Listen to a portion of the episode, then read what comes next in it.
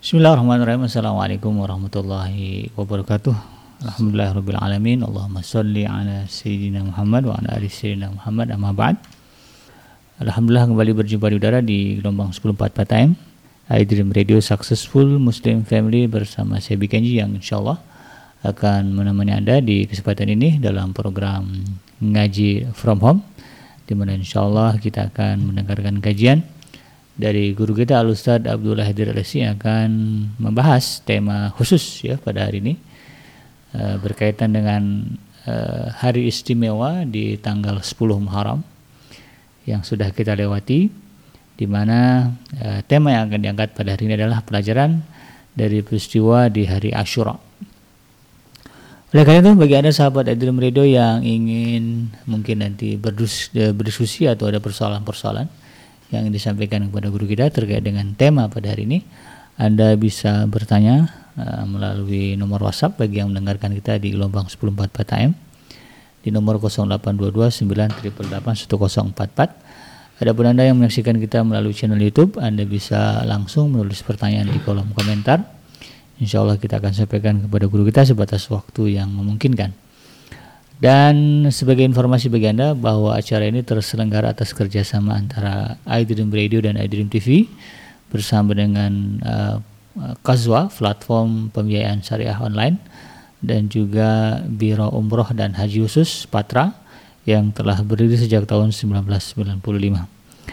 Baik, tidak berlama-lama kita akan menuju kepada guru kita Al Ustadz Abdullah Haidar Alsi yang akan membahas tema pada hari ini yaitu pelajaran dari peristiwa di hari Ashura.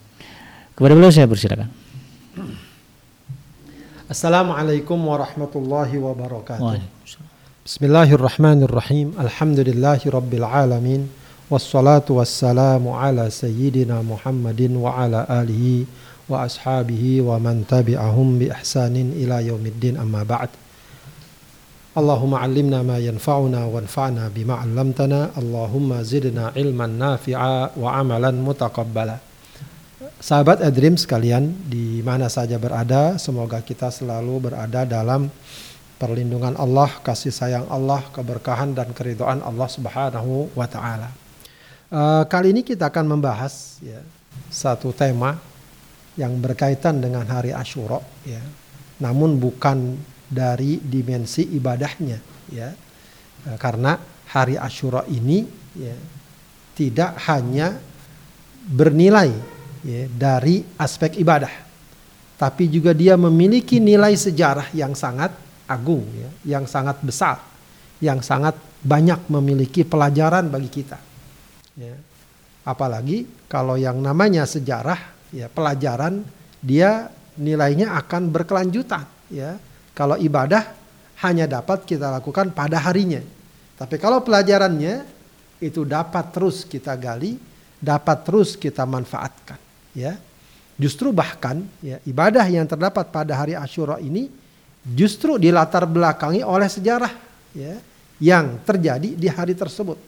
Ya jadi memang ini sangat berkaitan erat ya. Bahkan Allah Subhanahu wa taala secara tersirat ya memerintahkan kita untuk mengingatkan hari ini.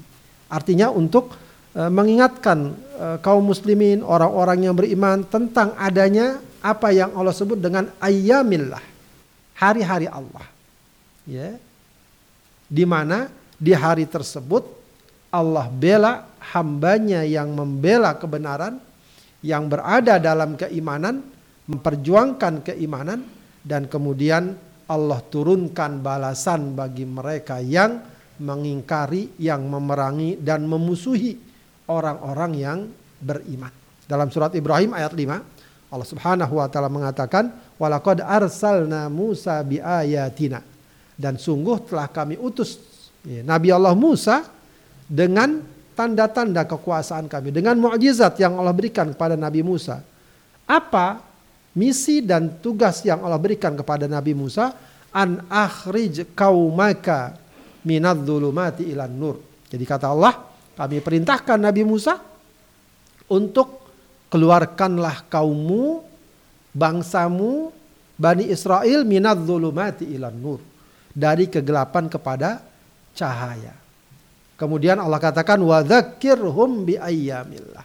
dan ingatkanlah mereka kepada hari-hari Allah.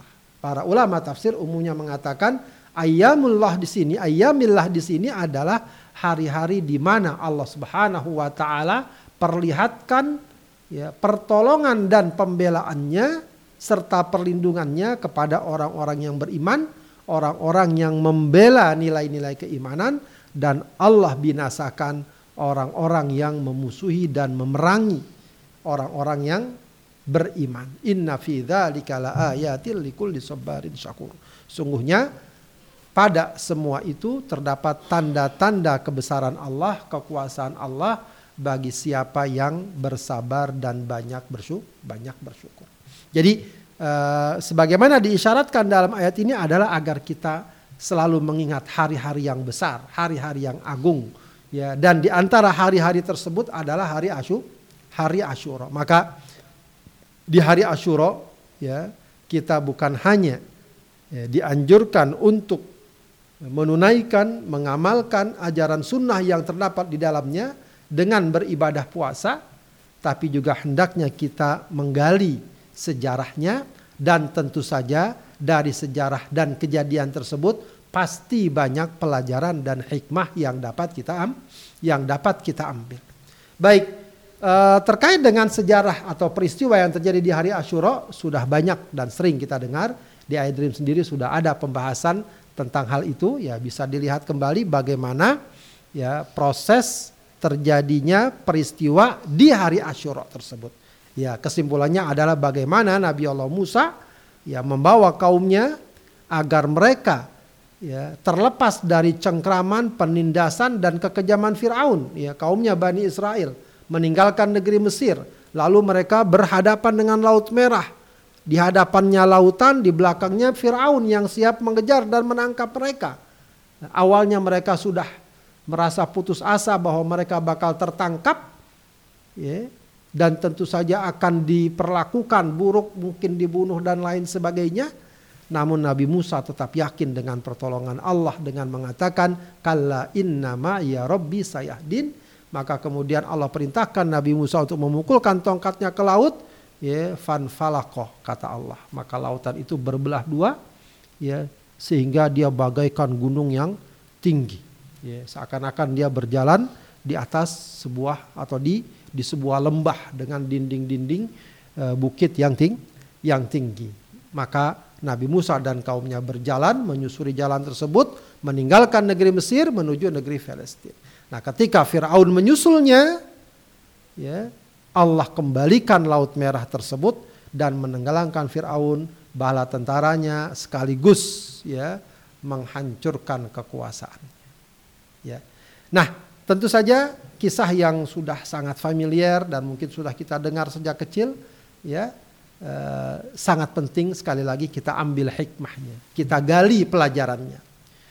Apa pelajaran yang dapat kita ambil dari peristiwa tersebut, eh, dari peristiwa di hari Ashura tersebut?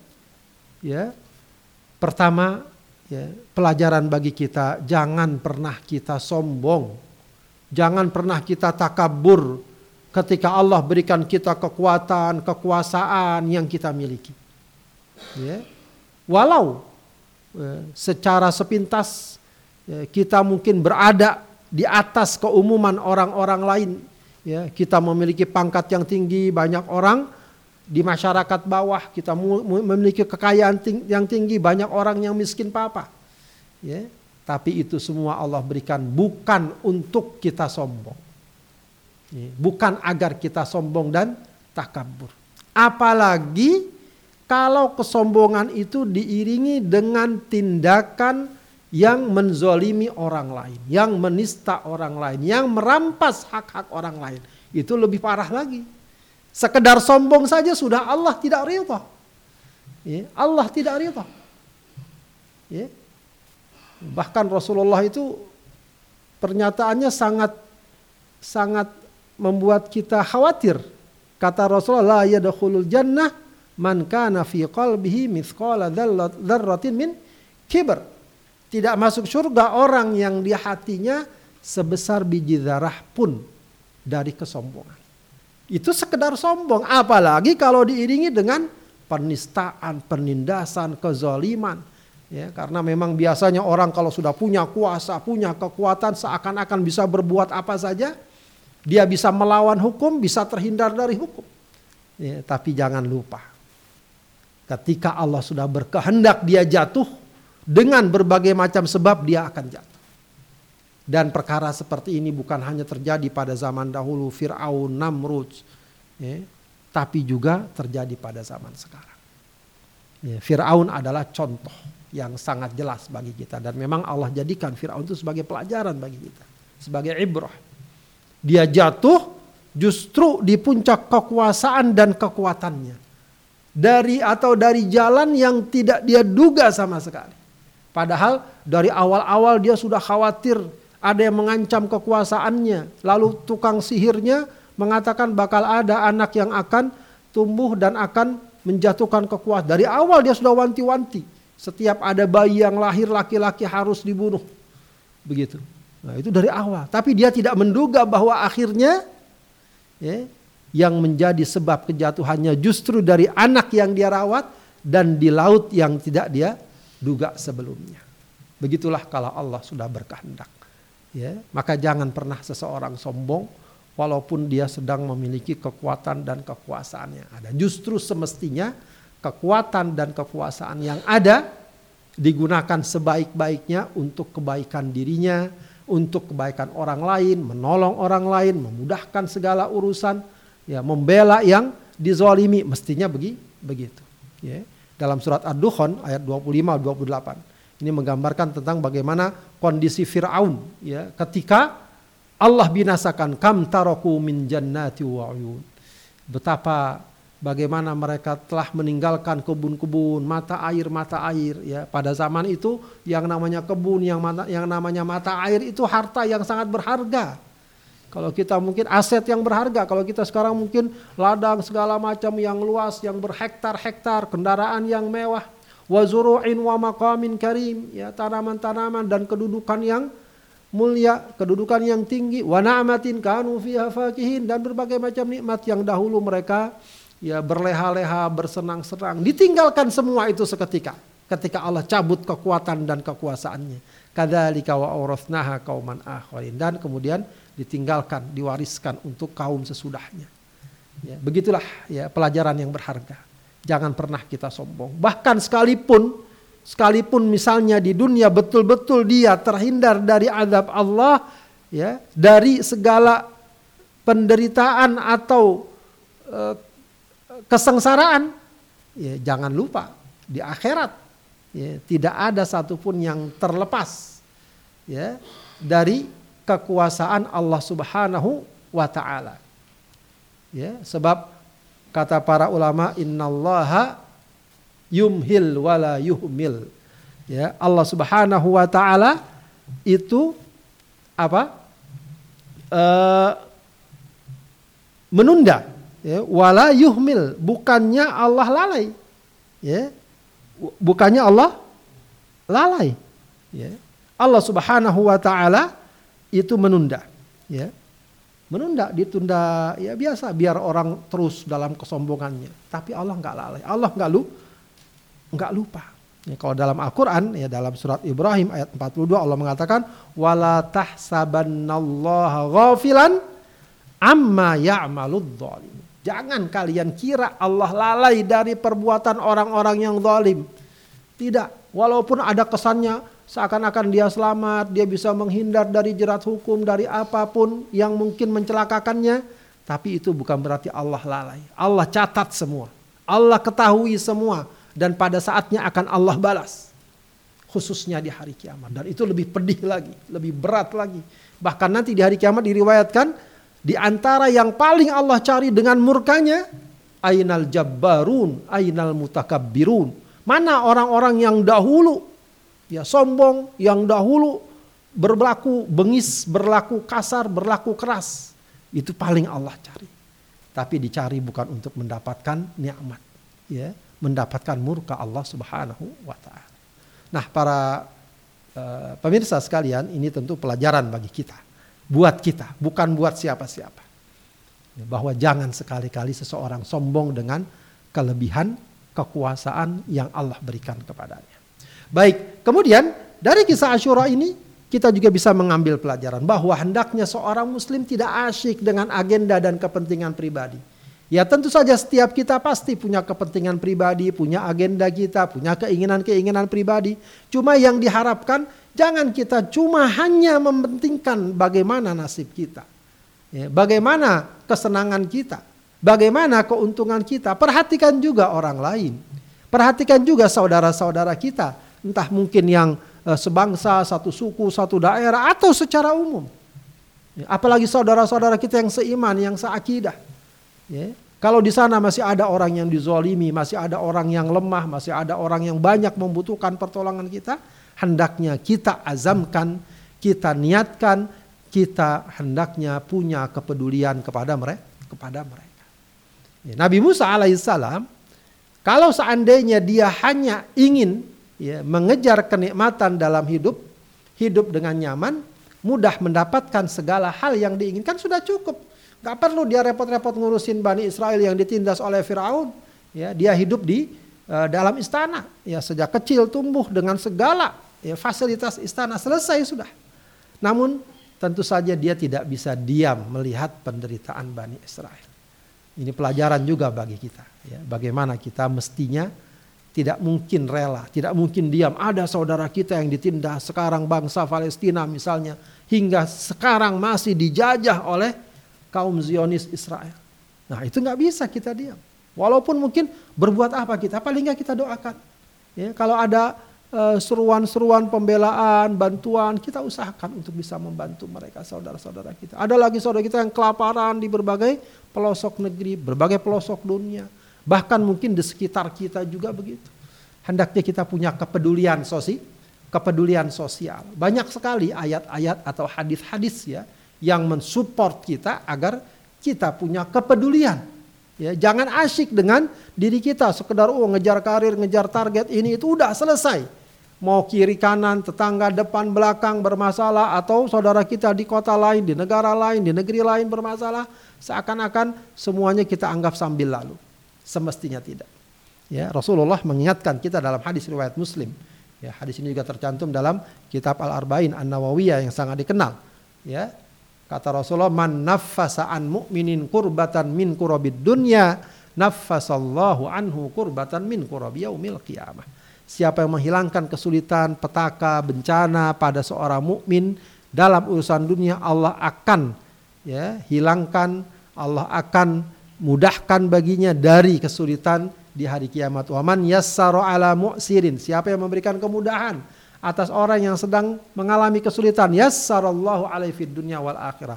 Allah mudahkan baginya urusan di dunia maupun di akhirat. Waman satara musliman satarahullahu fid dunya wal akhirah. Siapa yang menutup aib seorang muslim, Allah akan tutup aibnya di dunia maupun di akhirat. Wallahu fi aunil abdi. Allah akan selalu menolong hambanya.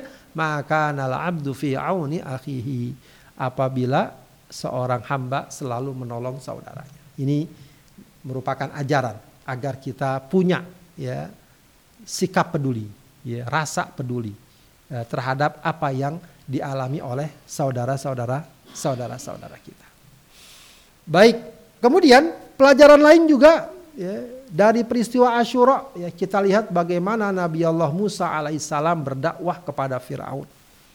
Ya, jelas yang namanya para nabi dakwah utamanya adalah mengajak tauhid mengajak untuk beriman kepada Allah, ya, mengajak untuk meyakini kekuat ke ketuhanan Allah bahwa Allah yang Maha Esa yang harus kita imani.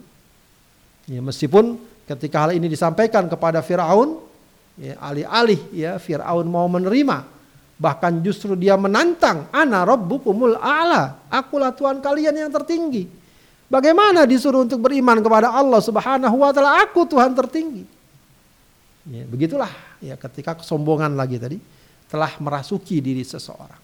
Tapi jangan lupa Nabi Musa alaihissalam bukan hanya menyuruhkan tauhid dan keimanan kepada Firaun agar dia beriman, ya, dia pun meminta kepada Firaun, menyerukan kepada Firaun untuk menghentikan penindasannya terhadap Bani Israel. Melepaskan Bani Israel dari segala belenggu penjajahan, penindasan dan kezalimannya. Dalam surat Toha ayat 47 Allah gambarkan, ya Allah kisahkan, ya Fa'tiyahu fakula inna rasula rabbika fa'arsil ma'ana bani Israel wala tu'adzibhum. Ya, maka kata Allah pergilah kamu berdua Musa dan Harun dan katakanlah kepada Firaun. Ya.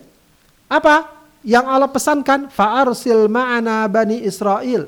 Ya, inna rasula rabbik ya. Kami adalah utusan Tuhanmu. Ya, kami adalah utusan Allah.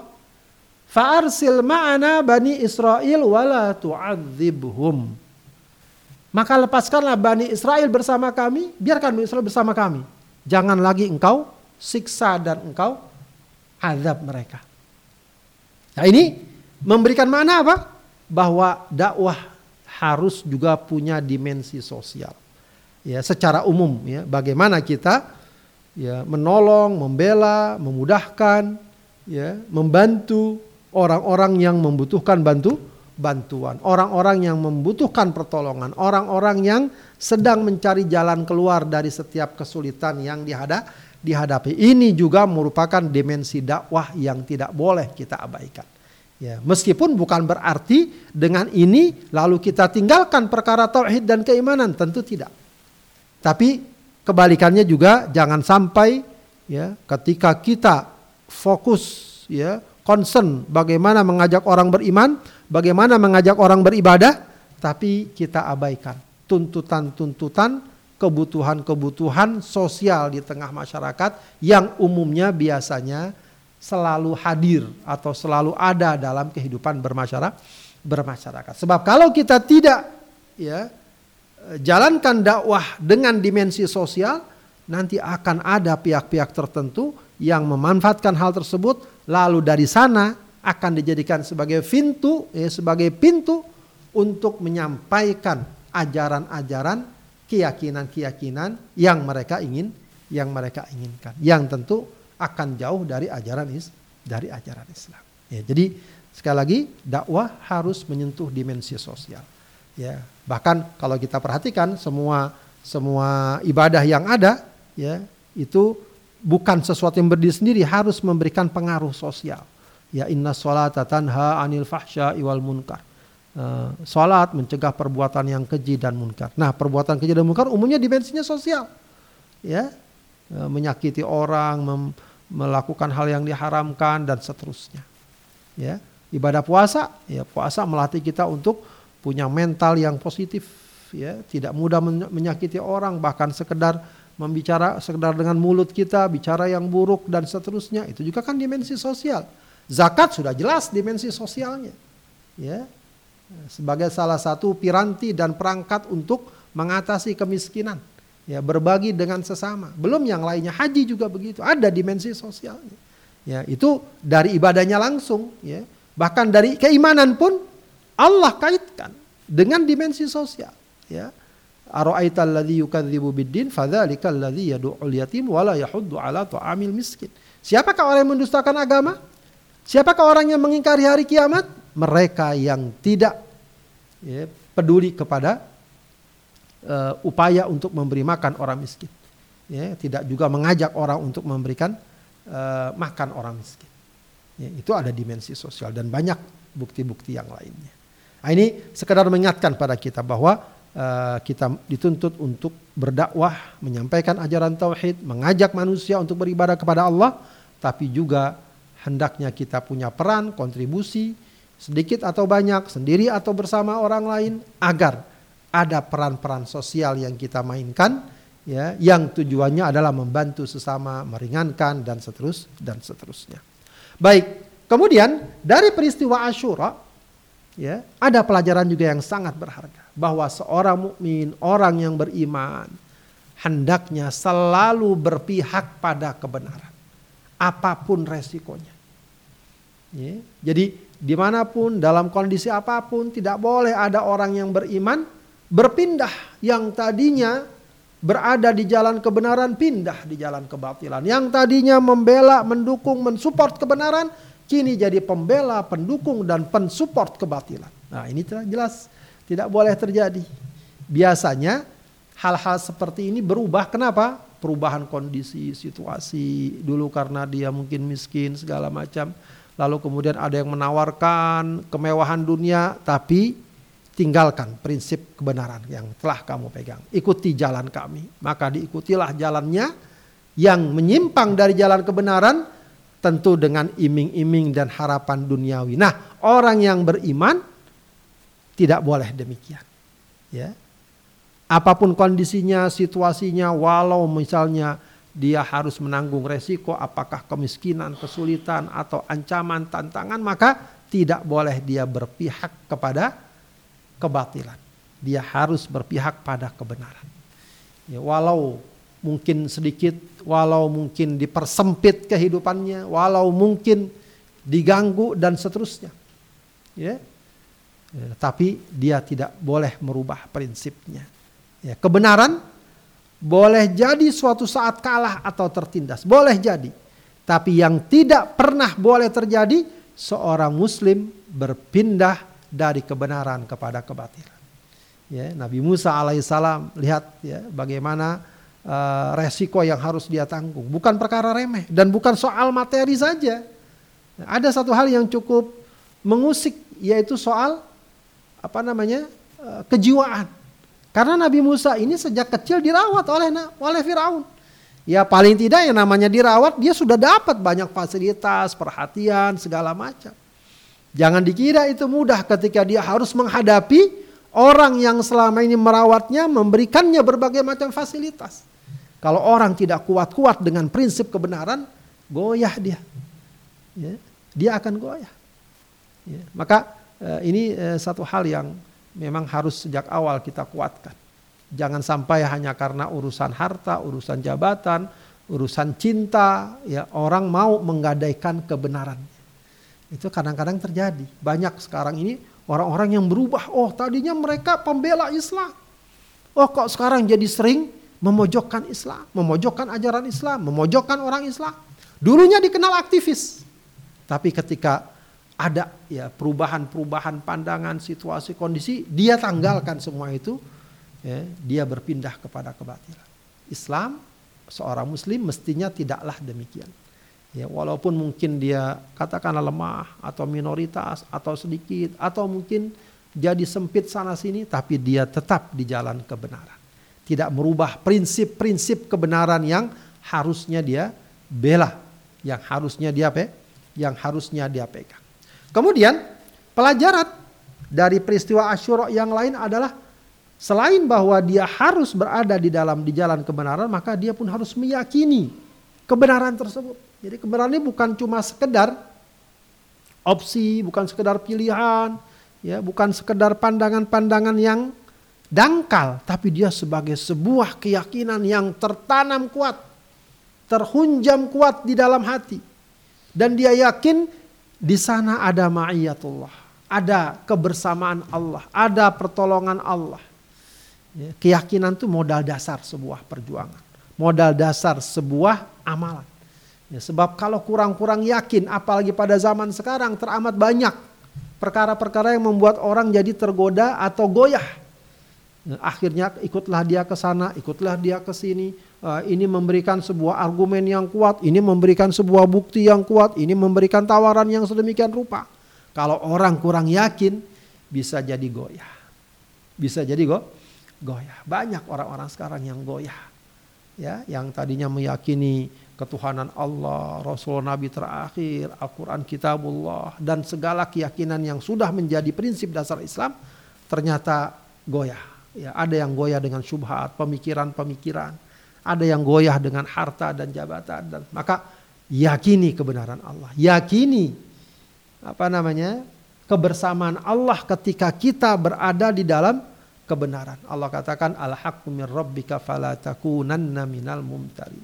Kebenaran itu dari Tuhanmu jangan sekali-kali kalian meragukannya ya. Surat Muhammad ayat 7 ya ayyuhalladzina amanu in tansurullaha yansurkum wa yuthabbit aqdamakum.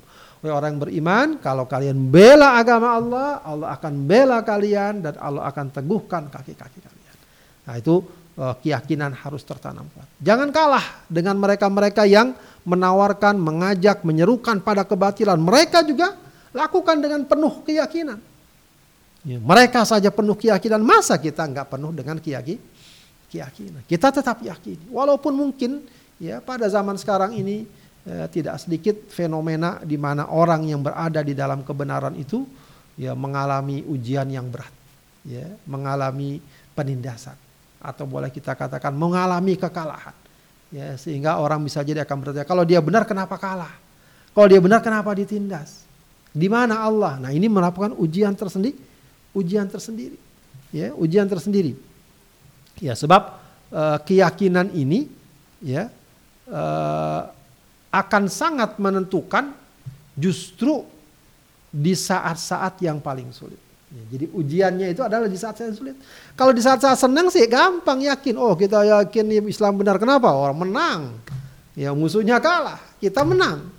Yakin mantap. Biasa orang kayak gitu ya atau yakin Islam benar pas saya rajin sholat gaji naik itu kan bisa yakin tapi kalau coba rajin sholat puasa rajin tiba-tiba di PHK usaha bangkrut nah itu ujian keyakinan itu ujian keyaki, keyakinan ya, makanya pada perang Ahzab beda tuh ya orang-orang munafik di situlah tampak bagaimana mereka tidak meyakini selama ini kenapa Ah katanya Rasulullah menjanjikan kesenangan, kemenangan buat kita. Sekarang kita buat buang air aja susah. Bahasa orang-orang munafik. Tapi orang beriman gimana? Ketika melihat pasukan sekutu datang dengan bala tentara yang sangat besar. Apa kata mereka? Hada ma wa'adan Allah. Ya. Hada ma wa'adan Allah wa rasul wa sadaqallah wa rasul. Inilah janji Allah dan Rasulnya. Maha benar Allah ya, dan juga Rasulnya. Begitu. Ya, jadi eh, keyakinan itu bukan hanya sekedar kita perlihatkan saat kita mendapatkan apa yang kita inginkan. Justru justru keyakinan itu akan sangat teruji di saat-saat yang paling sulit.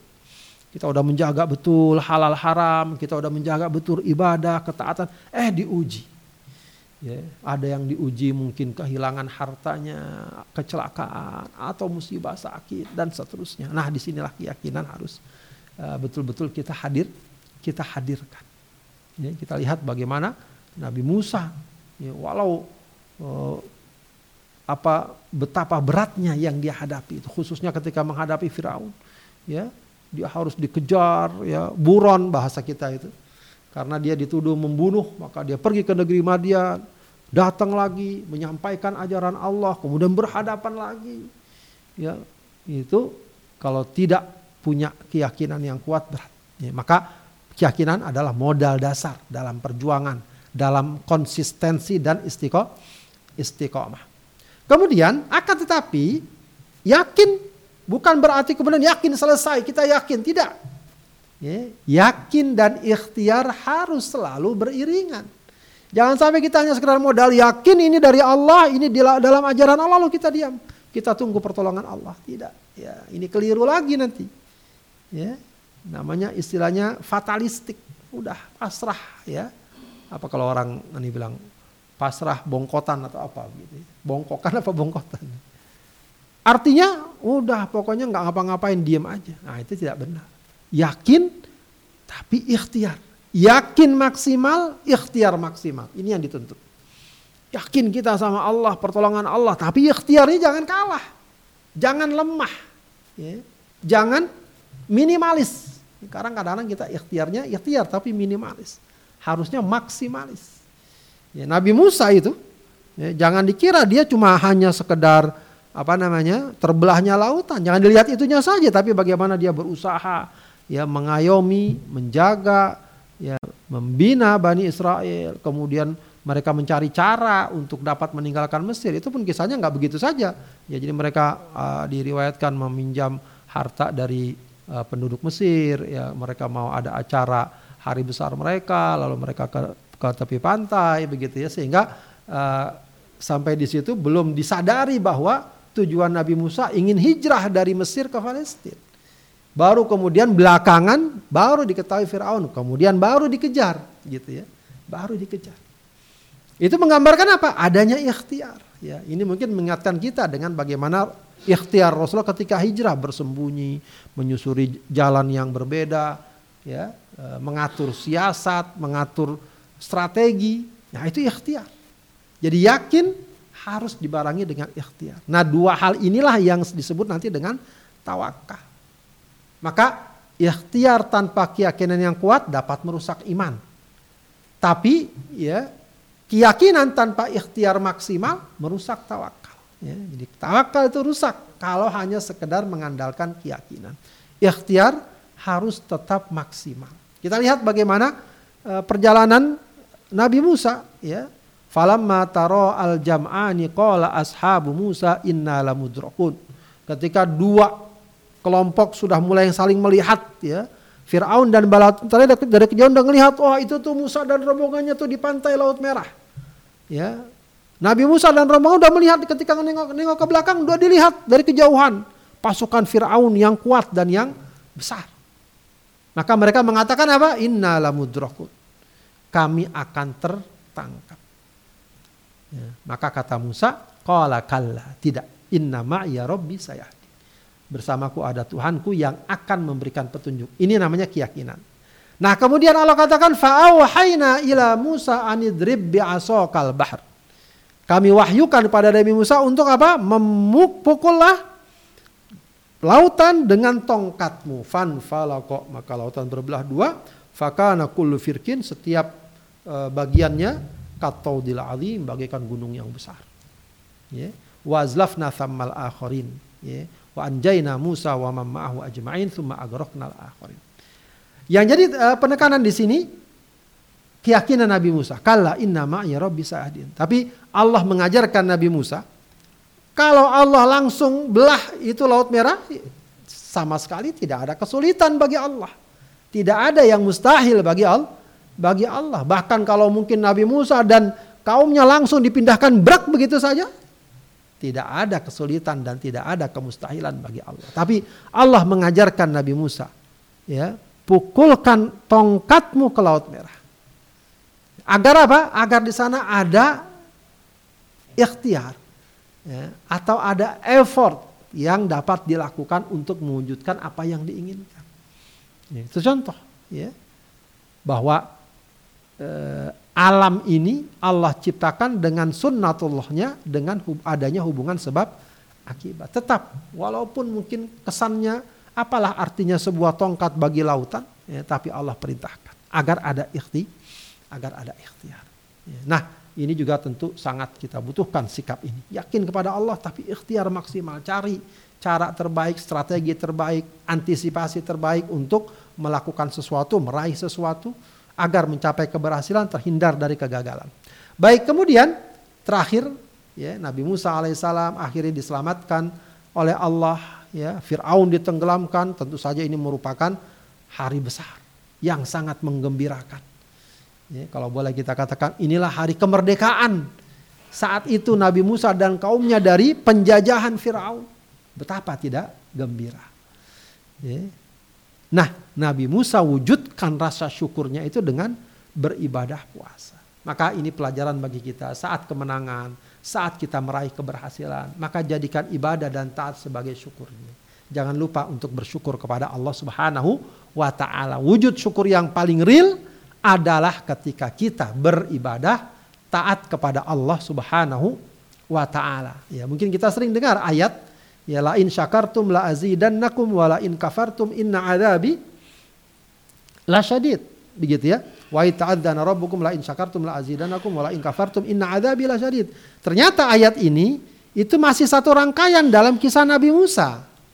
Ya, satu rangkaian yang tadi apa wadakirhum bi ayyamillah itu surat Ibrahim ayat 5. Ayat 6-nya wa id qala Musa liqaumihi dzkuru ni'matallahi alaikum. Dan ingatlah ketika Musa berkata kepada kaumnya ingatlah nikmat Allah buat kalian. Id anjakum min ali fir'aun. Ketika Allah menyelamatkan kalian dari uh, kekuasaan Firaun ya sumunakum su'al adab. Menimpakan kalian berbagai macam adab. Wa yudzabbihuna abna'akum membunuh anak-anak laki kalian. Wa yastahyuna nisaakum membiarkan hidup anak-anak perempuan kalian. Wa fi dzalikum bala'un min rabbikum azim maka kemudian Allah katakan wa id ta'adzana rabbukum la in syakartum. Ya. Dan Allah Subhanahu wa taala sudah umumkan bahwa siapa yang bersyukur atas nikmat yang Allah berikan la azidannakum. Aku akan tambah. Wala in kafartum inna adzabi lasyadid dan siapa yang kufur maka adabku amatlah berat. Ya. Bersyukur di sini artinya adalah bagaimana kita semakin taat, semakin patuh, semakin beribadah kepada Allah. Allah berikan kita berbagai kenikmatan yang dahulunya mungkin masih angan-angan, masih hayalan, ya, rizki yang cukup, keluarga, anak-anak, ya, harta benda, ya, umur eh, apa namanya pekerjaan dan seterusnya. La in syakartum la aku. Kalau kalian bersyukur, aku akan tambah. Tapi kalau kalian kufur, inna adzabi. Maka ini penting ya, betapa hidup kita ini sebenarnya bukan hanya ya diberikan satu dua nikmat, tapi kita diberikan lautan nikmat yang sangat banyak. Apalagi kalau nikmatnya nikmat yang sangat besar. Ya, kalau dalam konteks Nabi Musa ini bagaimana mereka selamat dari kekejaman Firaun. Ya, maka e, di kita pun ada misalnya peringatan hari kemerdekaan ya, selamat dari penjajahan kaum kolonial. Nah, itu juga bisa kita kaitkan bagaimana kemerdekaan ini merupakan nikmat dari Allah yang harus kita syukuri dan syukur yang paling tinggi adalah ketika menghadirkan menyebabkan penghambaan dan ketaatan kepada Allah Subhanahu wa taala. Sahabat tadi yang dimuliakan Allah Subhanahu wa taala demikian pelajaran-pelajaran yang dapat kita gali ya dari peristiwa Asyura sehingga sebagaimana tadi kita katakan hari Asyura tidak hanya kita raih dengan cara ya mengamalkan sunnah-sunnahnya sebagaimana Rasulullah ajarkan juga dapat kita raih dengan mengambil pelajaran-pelajaran yang sangat berharga yang sangat penting bagi kita dalam kehidupan sehari-hari. Demikian, mudah-mudahan bermanfaat. Assalamualaikum warahmatullahi wabarakatuh.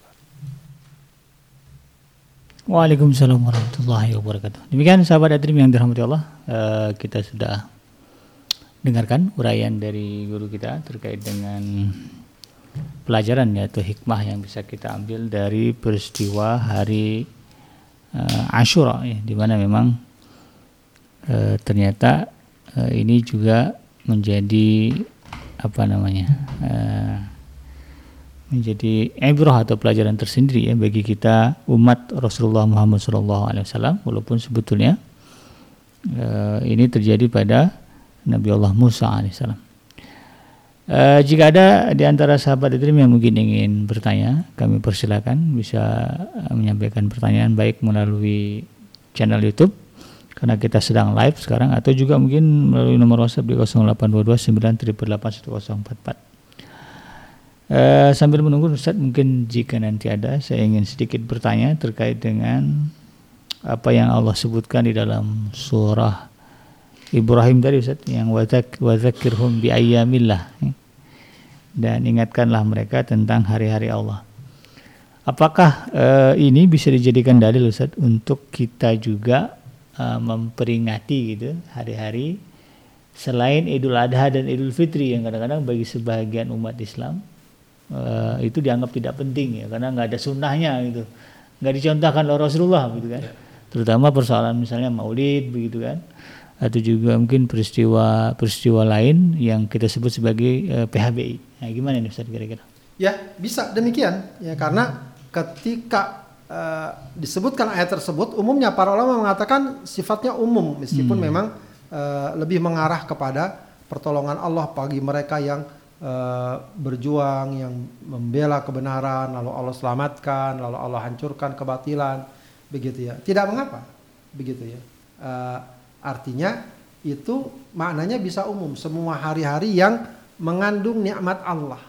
Apa bentuknya nikmat Allah di situ? Pertolongan Allah, kebaikan-kebaikan yang Allah berikan kepada orang-orang yang beriman. Hmm. Ya, orang-orang yang beriman. Jadi tidak mengapa mengingat hari-hari atau waktu-waktu yang memang memiliki nilai sejarah, ya, hmm. nilai kebaikan. Ya, kalau bahasa kita uh, momen, ya, momentum. Ya, hari-hari yang memiliki momentum yang bagus untuk kita ingat sebagai sebuah uh, kebaikan yang dapat mungkin memotivasi dan seterusnya. Tapi kalau terkait dengan ibadah-ibadah tertentu, nah itu nanti dikembalikan lagi juga dengan petunjuk-petunjuk praktis yang ada. yang ada. Tapi sebagai sebuah momen lalu kemudian kita ingat ya agar menghidupkan spirit, semangat, memberikan teladan dan semacamnya, itu sesuatu yang bisa diterima ya, tentu dengan uh, sikap dan tindakan yang uh, proporsio proporsional yang tidak berlebih tidak berlebihan. Hmm. Begitu ya. Jadi pada intinya boleh Ustaz ya. Kenapa? Pada intinya boleh. Apanya? boleh ya kita menjadikan ini sebagai dalil ya. Ya bisa, seperti itu bisa. Nah, secara umum ya. Secara umum ya. Ketika kita betul melihat bahwa di situ tampak pertolongan Allah ya bagi orang yang beri Beriman. beriman. Ya di saat di hari itu di peristiwa itu eh, terjadi hari ini kita ingatkan ya, mungkin ini tanggalnya seperti ini lalu kemudian begitu ya bisa demikian. Hmm, baik baik. Termasuk juga misalnya eh, hari ulang tahun eh, hari pernikahan gitu. Diingatkan gitu, ingat loh kita nikah tanggal segini gitu. Ya it- itu kalau ha- dilihat dari maslahat Masuk aja. ibadah nggak itu? Ya, kalau wadzakirhum bi ayyamil ini lebih kepada uh, nilai-nilai uh, kebenaran ya.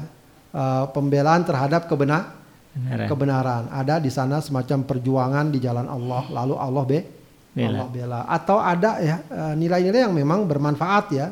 Kayak misalnya peristiwa hijrah kita kenang. Nah. Memang betul-betul memberikan Fatu Mekah ya termasuk kelahiran Rasulullah juga begitu kan. Dia juga merupakan nikmat Allah yang sangat be- Besar. yang sangat besar bisa dimaknai demikian demikian Iya. Tapi kalau hari pernikahan ya anggap aja itu eh, hari sejarah. Sifatnya pribadi begitu ya. Yang sifatnya pribadi. Iya iya iya. Baik baik.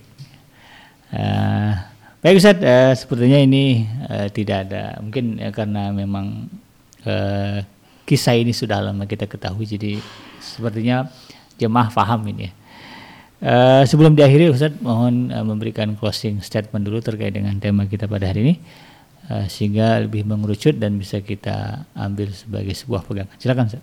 baik eh, sahabat adrim yang dimuliakan Allah Subhanahu wa taala ya sebagaimana tadi diisyaratkan bahwa mengingat ya, menggali kembali eh, sejarah yang terjadi kemudian menggali kemudian pelajaran-pelajarannya hikmah-hikmahnya adalah sesuatu yang sangat bermanfaat ya Eh, bahkan kalau kita perhatikan dalam Al-Qur'an ya Allah Subhanahu wa taala banyak mengingatkan umat Islam dari peristiwa-peristiwa sejarah masa lalu ya salah satu fungsi ya diceritakan semua kisah-kisah itu agar kita menggali, menggali ibrahnya wa, wa fi qasasihim ibratul Liulil liulil albab. ulil albab ya ki- pada kisah-kisah mereka terdapat pelajaran bagi orang yang berakal. Nah, penting bagi kita untuk selalu menggali pelajaran-pelajaran tersebut agar eh, terus hidup nilainya ya, dan kita jadikan sebagai patokan dan pedoman dalam kehidupan sehari-hari. Demikian. Baik, sahabat Adrim yang dirahmati Allah, sudah sudah kebersamaan kita di kesempatan ini. Eh, Semoga apa yang disampaikan oleh guru kita menjadi ilmu bagi kita semuanya sebagai pedoman dan cahaya bagi kita menjalani kehidupan kita hingga eh, ajal ya di mana Allah Subhanahu wa taala tetapkan kepada kita. Saya Bigenji beserta kurang bertugas eh, pamit undur dari ruang dengar Anda. Mohon maaf atas segala kehilapan dan kekurangan. Subhanaka Allahumma rabbana wa bihamdika asyhadu an la ilaha illa anta astaghfiruka wa atubu ilaik. Alhamdulillahirabbil alamin. Wassalamualaikum warahmatullahi wabarakatuh.